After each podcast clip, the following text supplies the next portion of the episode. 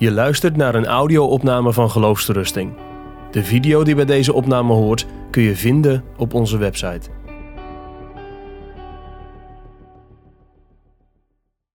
Zeven lessen die ik zelf geleerd heb. Vanavond wil ik een aantal dingen met jullie delen. Ik zal het hebben over de lessen die ik zelf geleerd heb en luister ernaar of er één, twee, misschien wel meer lessen zijn die jij voor jezelf kunt overnemen, die je op je eigen situatie en op je eigen leven kunt toepassen. Mijn vrouw en mijn kinderen hebben ook lessen geleerd in het achterliggende jaar. Ik zal het daar niet over hebben. Ik houd het dicht bij mezelf en ik zal vooral daar dus over vertellen. Uh, het is onvermijdelijk dat ik vanavond dus veel over mijzelf praat. En ik moest denken aan die uitspraak van Calvijn. Calvijn die heeft terecht gezegd, ik praat niet graag over mijzelf. Ik doe dat vanavond wel en ik denk dat dat mag. Ik wil dat doen niet om mijzelf in het middelpunt te stellen, maar om iets aan jullie te vertellen over wat ik op deze manier uh, in mijn leven over de genade van God en de voorzienigheid van God heb ervaren. Zeven lessen. Laten we beginnen met de eerste les. Elke dag kan de laatste zijn. Het is vandaag precies een jaar geleden, 52 weken, op een donderdag 3 mei 2018, dat ik een hartritmestoornis kreeg. Het was morgens half tien. Het was net als nu eh, vakantie. Ik was wat later, dus ik ging naar de kerk toe. Ik heb mijn uh, studeerkamer in de kerk. Dus ik was op de fiets naar de kerk toe en ik voelde opeens aan mijn hartslag dat hij omhoog ging. Heel erg omhoog. Later bleek tot ver boven de 200 slagen per minuut. Ik had dat nooit eerder gevoeld. Ik wist niet wat het was. Ik kwam in mijn kamer. Dus wat deed ik? Ik pak mijn laptop. Ik dacht, ik moet even zoeken. Wat, wat kan dat zijn? ik keek. En de eerste treffer die ik eh, vond toen ik eh, zoektermen had ingevuld was dat het wellicht de boezemfibrillatie zou kunnen zijn. Achteraf bleek dat het geen boezemfibrillatie was, maar een kamerfibrillatie. En het verschil daarvan is heel groot. Boezemfibrillatie is, als het erop aankomt, onschuldig. Een kamerfibrillatie is levensgevaarlijk. Maar ik zag die eerste treffer.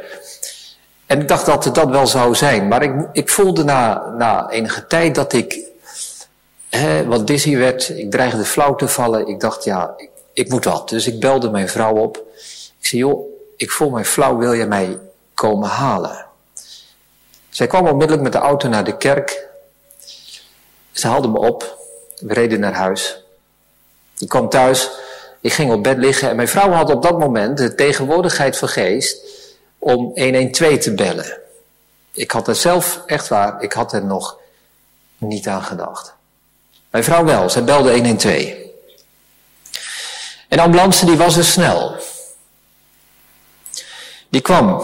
De ene broeder, ze waren met z'n tweeën, de ene broeder van de ambulance, die ging naar beneden, die zette de brancard buiten voor ons huis klaar. En de andere hielp mij van mijn slaapkamer de trap af naar beneden. Ik kwam beneden, ik ging op die brancard liggen die klaar stond. Het was toen kwart voor elf. Het was vijf kwartier later dan het moment dat het begonnen was. En dat ogenblik staat mij nog voor de geest. Het was een prachtige zonnige dag. Ik lag op die brancard. Ik zag zo de straat uh, voor, voor mij. Ik zag de huizen. Ik zag de blauwe lucht. Ik zag de zon. En binnen seconden was ik buiten bewustzijn. Ik kan me ook niet meer herinneren. Het ging zo snel. Ik was buiten bewustzijn. Ik had een hartstilstand. Nou, die beide broeders die daarbij waren, die zagen dat en die hebben ontzettend snel en accuraat gehandeld. Mij onmiddellijk in die ambulance gebracht. Deuren klappen dicht. Mijn vrouw stond in er eentje daar op straat. En ze hebben mij gereanimeerd. Ze hebben de defibrillatie in gang gezet. En ik kwam weer bij. Ik kwam weer bij kennis de hartfibrillatie, hartstilstand waren opgeheven. En later ik had dat op dat moment toen ik bijkwam uiteraard allemaal niet door. Maar later heb ik begrepen dat van mensen die buiten het ziekenhuis een hartstilstand krijgen. Volgens sommige cijfers vijf van de zes. Anderen zeggen negen van de tien die het niet overleven. Ik overleefde het wel. Ik ben er nog.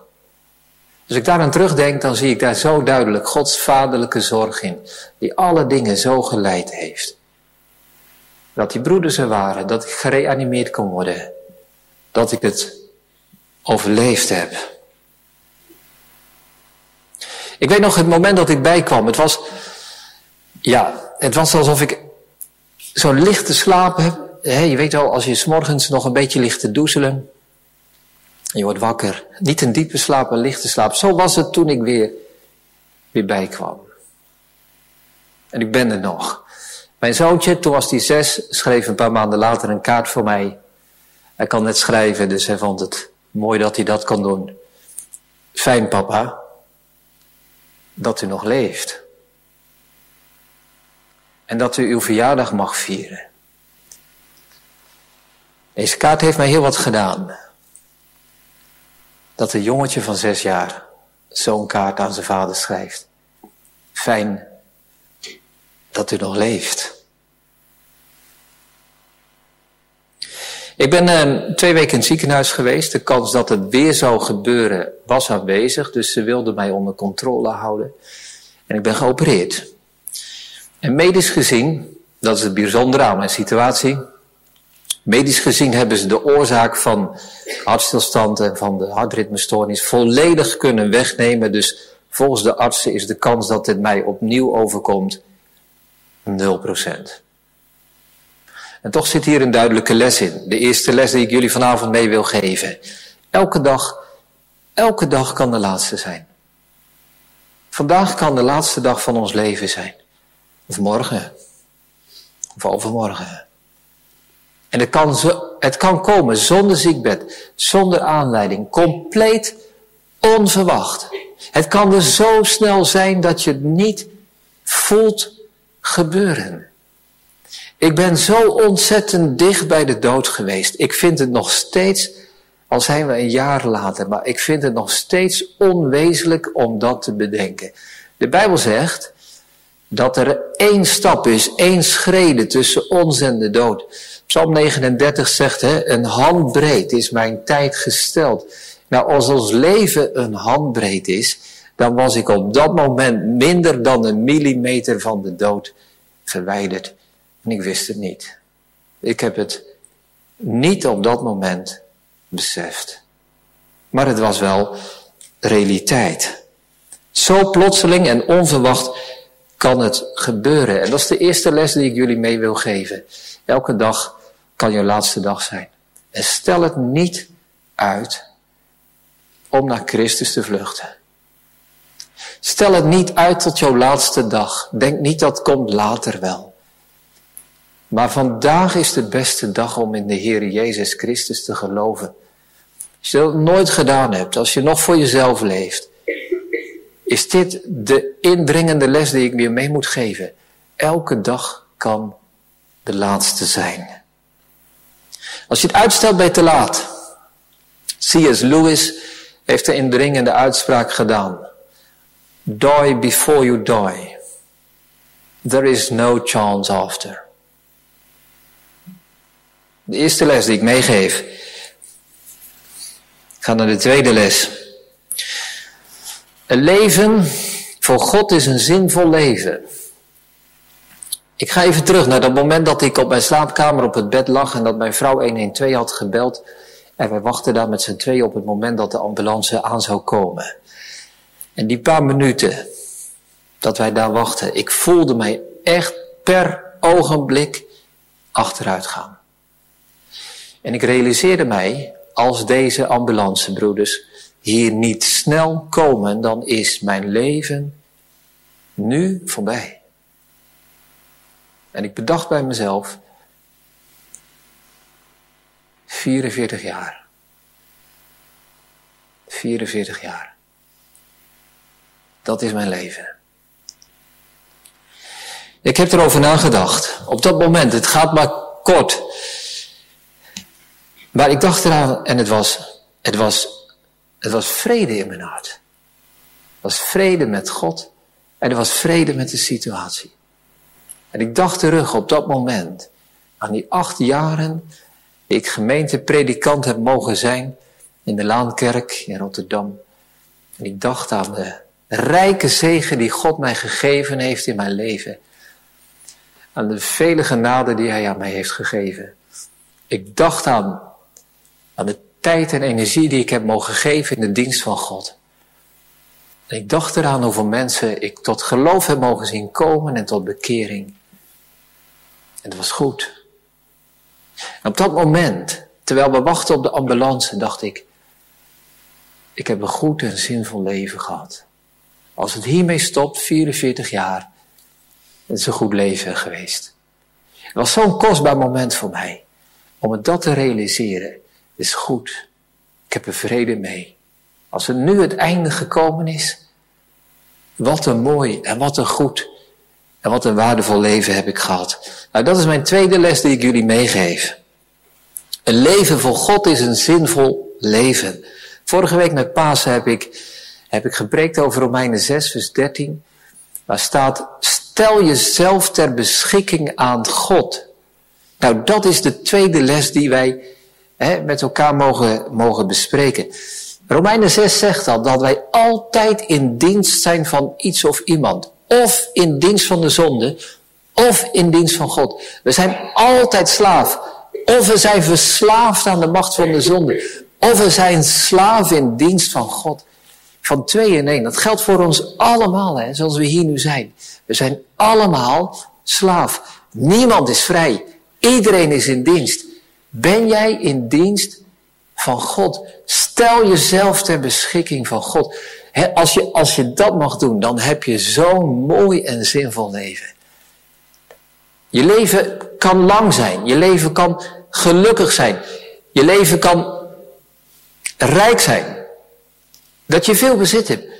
Maar een echt zinvol en een goed en waardevol leven heb je alleen, alleen als het in dienst staat van God. Nou, als jij wilt voorkomen dat jij straks aan het einde van je leven teleurgesteld bent, wanhopig bent, alleen bent, is dit de tweede les. Als jij ernaar verlangt dat jouw leven zinvol en waardevol is, is dit de tweede les. Stel jezelf ter beschikking aan God. Een derde les. Jezus verlost van de angst voor de dood.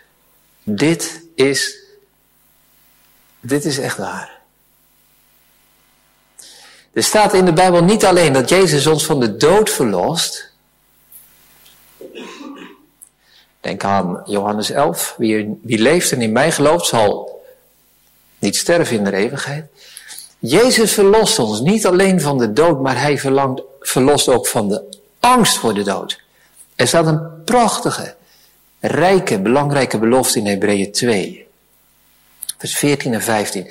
Er staat dat Jezus gekomen is om degene die de macht, die het geweld van de dood heeft, dat is de duivel, om die te verslaan en om die macht van de duivel te verbreken. En dan staat erbij, om allen te verlossen die met angst voor de dood gedurende heel hun leven aan de slavernij onderworpen waren. Dus Jezus is niet alleen gekomen om ons te verlossen van de dood, maar ook voor de angst voor de dood. Ik las een, eh, een interview, nee, een, eh, een artikel, het was geen interview, een artikel uit de Volkskrant. Vorig jaar stond er een uitvoerig artikel in de Volkskrant van een journalist die een hartstilstand had gekregen. En ongeveer een jaar daarna heeft hij daar dus in zijn eigen krant een artikel over gepubliceerd. Ik heb dat met grote aandacht gelezen. En er waren heel veel dingen in dat artikel die ik, die ik las en die ik herkende. En er stonden ook dingen in die ik helemaal niet herkende. Deze man vertelt hoe hij een hartstilstand gekregen heeft en hoe hij later pas gehoord heeft van zijn vrouw en van andere aanwezigen wat er precies allemaal gebeurd is. En hoe hem dat in die periode daarna bezig heeft gehouden. Hij droomde ervan. Hij had nachtmerries. Hij was bang. Hij had paniekaanvallen. Hij was onrustig. Hij durfde niet alles wat met de dood te maken had onder ogen te zien. En hij zegt dan op een gegeven moment in dat interview, eindeloos bleef de film van gebeurtenissen die ik niet had meegemaakt zich in mijn hoofd afdraaien. Ik heb toen, na de hand, na mijn operatie, tien weken lang hartrevalidatie gedaan. Dus dan, hè, dan kom je in een groep bij elkaar met allemaal mensen die iets aan hun hart hebben gehad, die hartpatiënt zijn. En, en je ontmoet elkaar en je doet sportieve activiteiten en je hebt ontmoetingen. En ik heb gemerkt hoeveel mensen bang zijn voor de dood. Bang zijn. En ik had dat artikel van deze journalist gelezen. En plotseling, opeens, toen ik zijn verhaal las, dacht ik, hè? Hè? Ik heb nog steeds, nu een jaar verder zijn, ik heb nog niet één keer over mijn hartstilstand gedroomd. Nooit. Ik ben niet bang om alleen te zijn. Ik heb geen paniekaanvallen gehad. Hoe komt dat? Dat geeft Jezus mij. Hij doet wat hij belooft. Hij zegt, ik ben gekomen om de macht van de duivel te verbreken en om de angst voor de dood weg te nemen. Dat is niet mijn verdienste, dat is echt niet mijn prestatie, want ik weet heel goed dat ik vandaag of morgen een paniekaanval kan krijgen. En dan begin ik er niks tegen. Maar ik weet ook dat ik het dit jaar niet heb gehad. En dat Jezus mij dat gegeven heeft. Waarom? Omdat hij het belooft. Omdat hij daarvoor gekomen is. Niet om ons alleen van de dood te verlossen, maar ook te bevrijden van de angst voor de dood. Dus dat is de les die ik jullie als derde mee wil geven. Jezus doet wat hij belooft. En de beloften van het evangelie, die raken niet alleen ons hoofd en ons verstand, maar die gaan ook over ons hart en die gaan over onze gevoelens en die veranderen onze emoties en die nemen de angst en de bezorgdheid weg. Dat is zo prachtig. Dat dat het evangelie is. Dat Jezus ons dat belooft. Om ook die angst weg te nemen. En ik weet heel goed dat er hier vanavond mensen kunnen zijn die wel degelijk geloven en toch bang zijn voor de dood. Maar ik zou willen zeggen, neem die belofte uit Hebreeën 2 en houd hem aan Jezus voor. En vertrouw hem in wat hij zegt. En vraag hem dat hij jou niet alleen verlost van de dood zelf, maar ook bevrijdt van de angst voor de dood. Mijn vierde les. Het antwoord op de vraag waarom weet God alleen. Er zijn nogal wat mensen geweest die mij, die mij gevraagd hebben,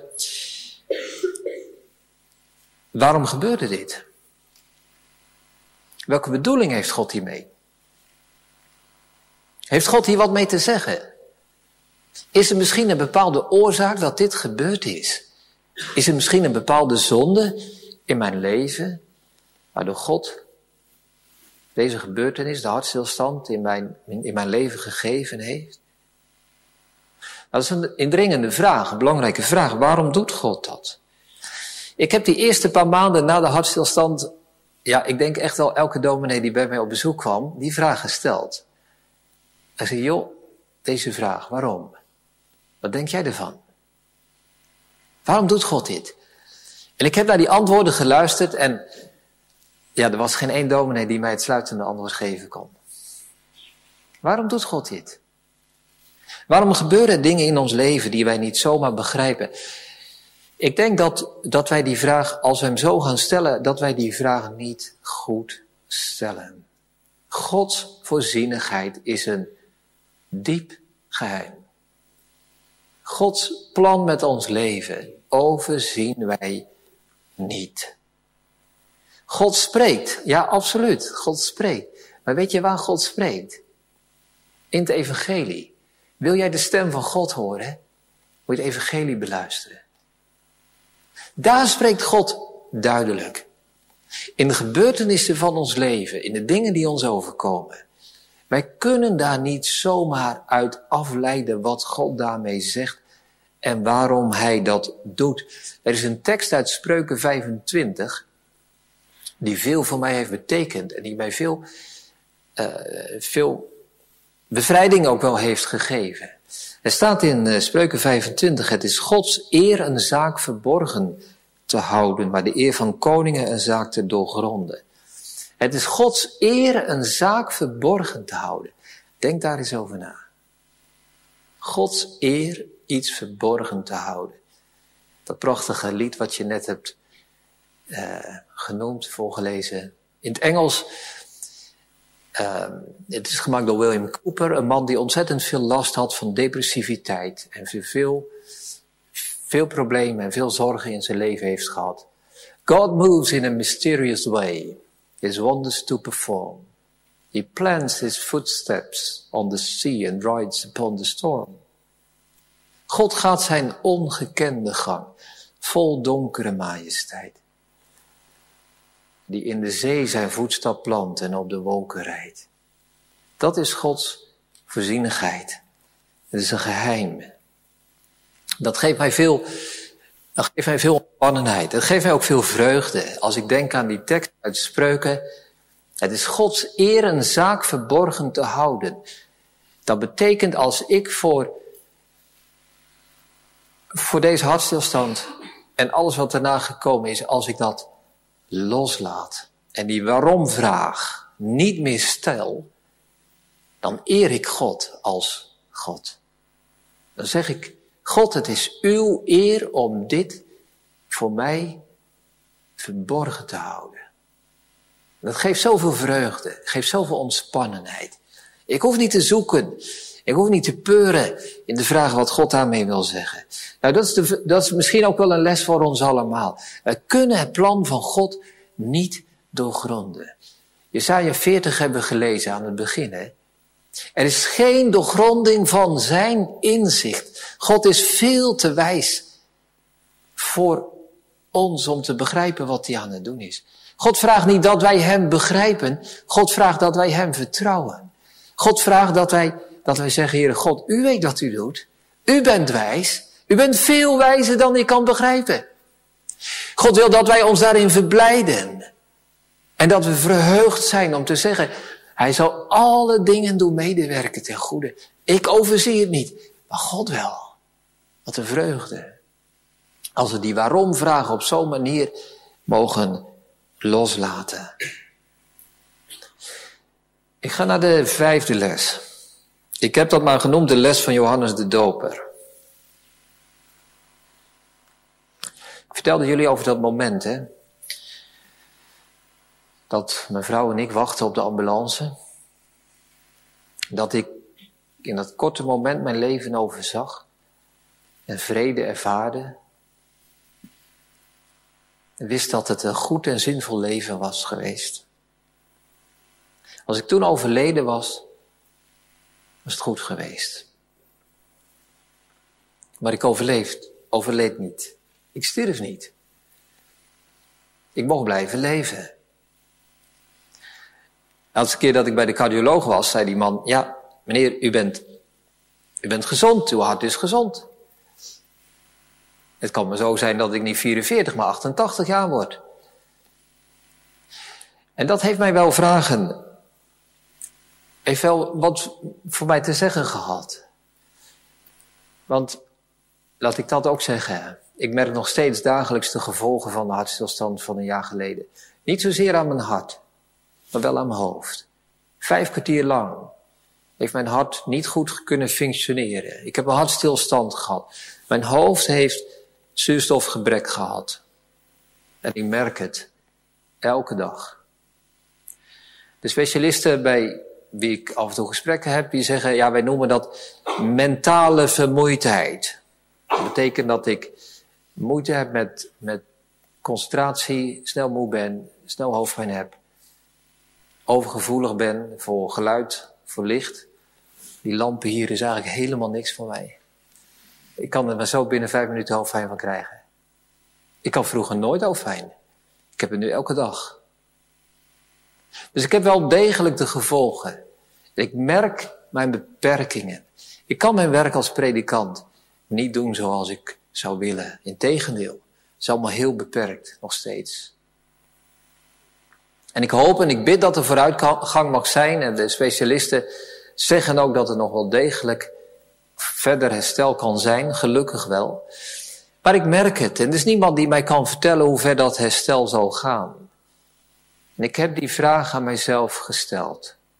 Als ik gezond ben, als ik energie heb, als ik mijn capaciteiten in kan zetten, zoals ik in die terugblik op dat moment, toen we wachten op de ambulance, mij had gerealiseerd. Ja, dan is het goed, dan is het fijn. Maar wat nu als er nog eens 44 jaren volgen waar het anders is? Ik weet het niet.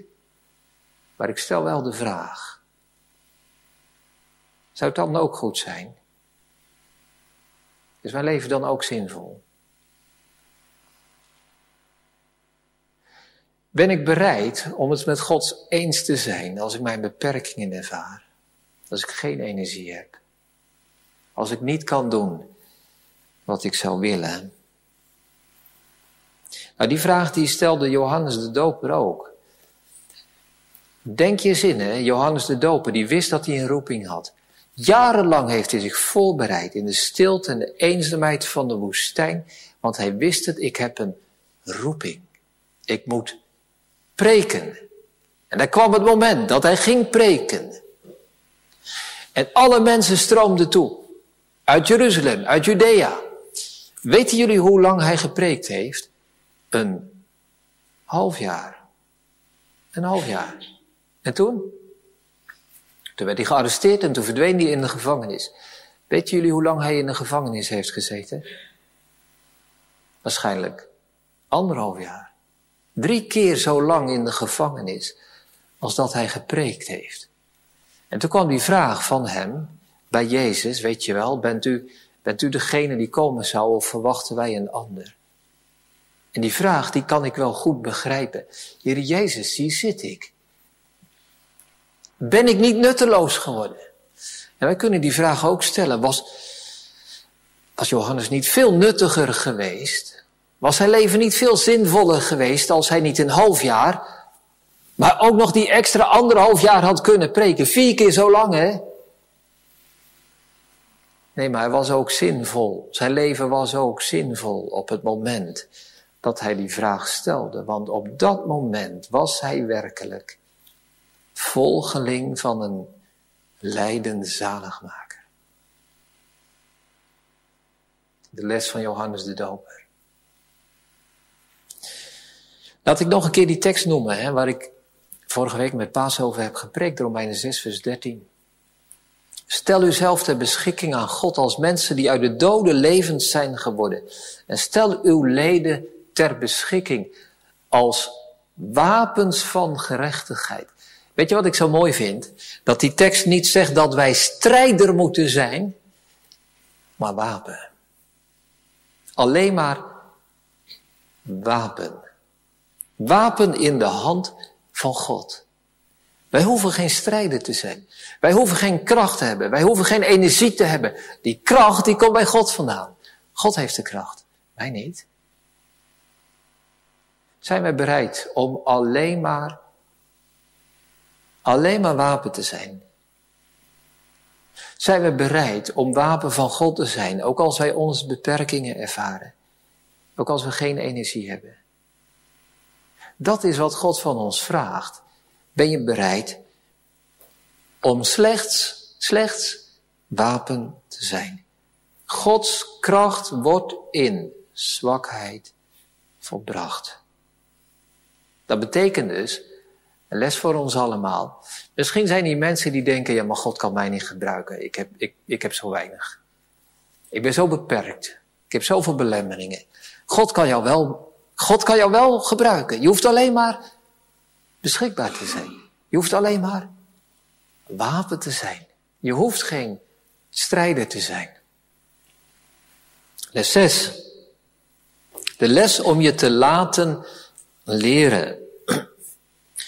Deze les zeg ik zeker voor de mensen in ons midden die zelf, die zelf ook, nou ja, laat ik het maar, laat ik het maar noemen onder het kopje verlieservaringen hebben. Verlieservaringen. Je bent niet de eerste, je bent niet de enige die te maken krijgt met gebrokenheid, met verlies, met rouw. Kan zijn dat je een handicap hebt. Kan zijn dat je mensen mist die belangrijk zijn. Kan zijn dat je met psychisch lijden te maken hebt. Rouw, echtscheiding. We kunnen doorgaan. Allemaal gebrokenheid, verlies, ervaringen die je meemaakt. Het gevaar is aanwezig dat je in zo'n situatie moedeloos wordt. Je denkt, ik ben zo alleen. Er is niemand die voelt wat ik voel. Is niemand die doormaakt wat ik nu door moet maken. Andere mensen, ze praten wel en ze denken wel dat ze het snappen. Maar ze weten het niet. Ze voelen het niet. En je, bent, je bent zo alleen en je voelt je zo eenzaam. Nou, het is waar. Iedere verlieservaring is uniek. Maar, maar. Je bent niet de enige met een verlieservaring. Bent niet de enige die het moeilijk heeft. Er zijn zoveel mensen nu, en er zijn zoveel mensen vroeger geweest, die ook door verlieservaringen zijn heen gegaan en die dingen hebben meegemaakt, ervaringen hebben gehad die lijken op wat, wat jij meemaakt. Nou, wat mij zelf enorm geholpen heeft, is om boeken te lezen van mensen die, daar, die daarover hebben geschreven. En ik zal een paar boeken noemen die mij geholpen hebben. Er kunnen er veel meer zijn. Je ziet hier een paar. Jerry Sitzer, A Grace Disguised. Als je dat vertaalt, betekent het verkapte genade. Deze man vertelt in dit boek, echt een bijzonder boek. Hij vertelt hoe hij een auto-ongeluk heeft gekregen. Een dronken automobilist knalde frontaal op de auto waar hij in zat met zijn familie. En op één dag verloor deze man zijn moeder, zijn vrouw, zijn dochtertje. Drie generaties. In één klap weg. Maar die man heeft dingen meegemaakt waarin hij vertelt hoe juist Gods genade in zulk verlies aanwezig is. Lewis, C.S. Lewis, het boek Verdriet, Dood en Geloof. Hij vertelt over het sterven van zijn vrouw, of in ieder geval over, over zijn rouwgevoelens, zijn gemis, wat hij, wat hij doorgemaakt heeft. Zo helpend om te luisteren naar andere mensen die rouw- en verlieservaringen hebben. Manu Kersen noem ik graag. Vingerafdruk van verdriet. Dus een Belgische rouwdeskundige. Zo mooi, zo herkenbaar. En wat voor mij echt een verrassing was, de, de Puritijnen. De Engelse Puritijnen uit de 17e eeuw. Die mensen die, ze, honderden jaren geleden. Maar wat die zeggen over verdriet en over moedeloosheid. Boekje van William Bridge. A Lifting Up of the Downcast. Deze man heeft veertien preken op rij gehouden voor moedeloze mensen. Naar aanleiding van Psalm 42. Wat buigt u zich neer, mijn ziel? Waarom bent u onrustig in mij? Hoop op God. Veertien prachtige preken. Daar kunnen we zoveel aan hebben om te luisteren naar andere mensen. Het helpt ons om los te komen uit je eigen isolement, uit je eigen verlieservaring. Ik kwam mijn uitspraak tegen in dat boekje van Sitzer. Man needs difficulties. They are necessary for health.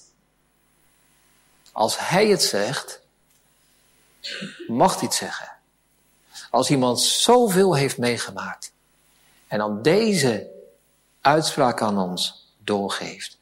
Misschien bedacht ik, misschien mogen we het zo wel zien. Als we gaan, ieder van ons persoonlijk, als we gaan door, door ervaringen van teleurstelling, van verdriet, van moeite, is dat Gods heel persoonlijke zorg van jou, voor jou. Hij besteedt aan jou extra aandacht. Om jou te laten groeien in geestelijk opzicht. Als je het zo eens bekijkt, dan is verdriet een teken van Gods vaderlijke zorg voor jou. En daarvan, daarin kunnen we leren van andere mensen. Ik kom bij mijn laatste, mijn zevende les. Er is geen enkele reden om over God te klagen. Er is een andere puritein, Jeremiah Burroughs, die een boekje geschreven heeft over tevredenheid. En hij zegt, als wij ontevreden zijn, hebben we nog te weinig aan onze zonde gedacht. Als je meer aan je zonde denkt, als je meer beseft dat je een zondaar bent, dan word je vanzelf tevreden. Als je ziet wie wij zondaren zijn in het oog van God. En ontdekken dat Hij toch liefdevol is voor ons. En toch genade geeft. En toch vergeving geeft. Dan ga je zien wat God ons geeft zonder dat wij het hebben verdiend. God geeft altijd meer genade, meer liefde, meer vergeving dan dat wij hebben verdiend. Psalm 68 zegt het zo prachtig. Hij schenkt uit goedheid zonder pijl ons het eeuwig zalig leven. Hebben wij dat verdiend? Hebben wij daar recht op? Dat God ons eeuwig zalig leven geeft. We hebben helemaal niets verdiend. We krijgen het. Dat is God. Dat is God. We hebben over God echt helemaal niets te klagen. Pas was ik, laat ik mijn zoontje nog een keer noemen. Pas was met een zoontje, met mijn zoontje waren we ergens buiten en, en er was een smal slootje. Er was een weiland voor, er was een weiland achter. En hij wilde over dat slootje springen, maar hij vond het spannend. Zou hij dat halen? Zou hij durven? Ik moedigde hem aan. Ik zeg, kom op Jan, springen, je kunt het. En hij nam een aanloop. En natuurlijk kon hij het. Natuurlijk sprong hij. Ik stond klaar om hem op te vangen als dat nodig zou zijn. En veilig kwam hij aan de overkant van het smalle slootje. En daar was de ruimte van het weiland. Nou, zo mogen wij het aardse leven zien. Ons aardse leven is dat smalle slootje. En wat ligt erachter?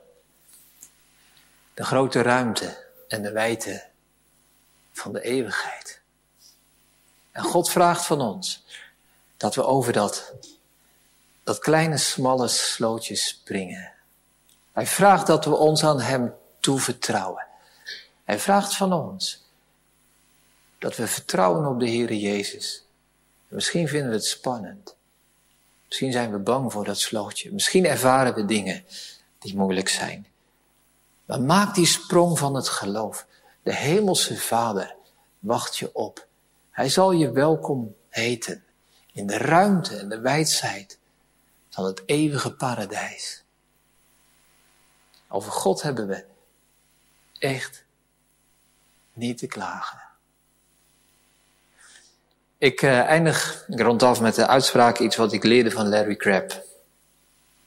De wereld, zegt hij, is een veel te slechte plek en ook veel te onzeker om er een huis te bouwen en erop te rekenen dat het fijn zal zijn. Maar, zegt hij, het is een perfecte plek om God te vinden. Amen.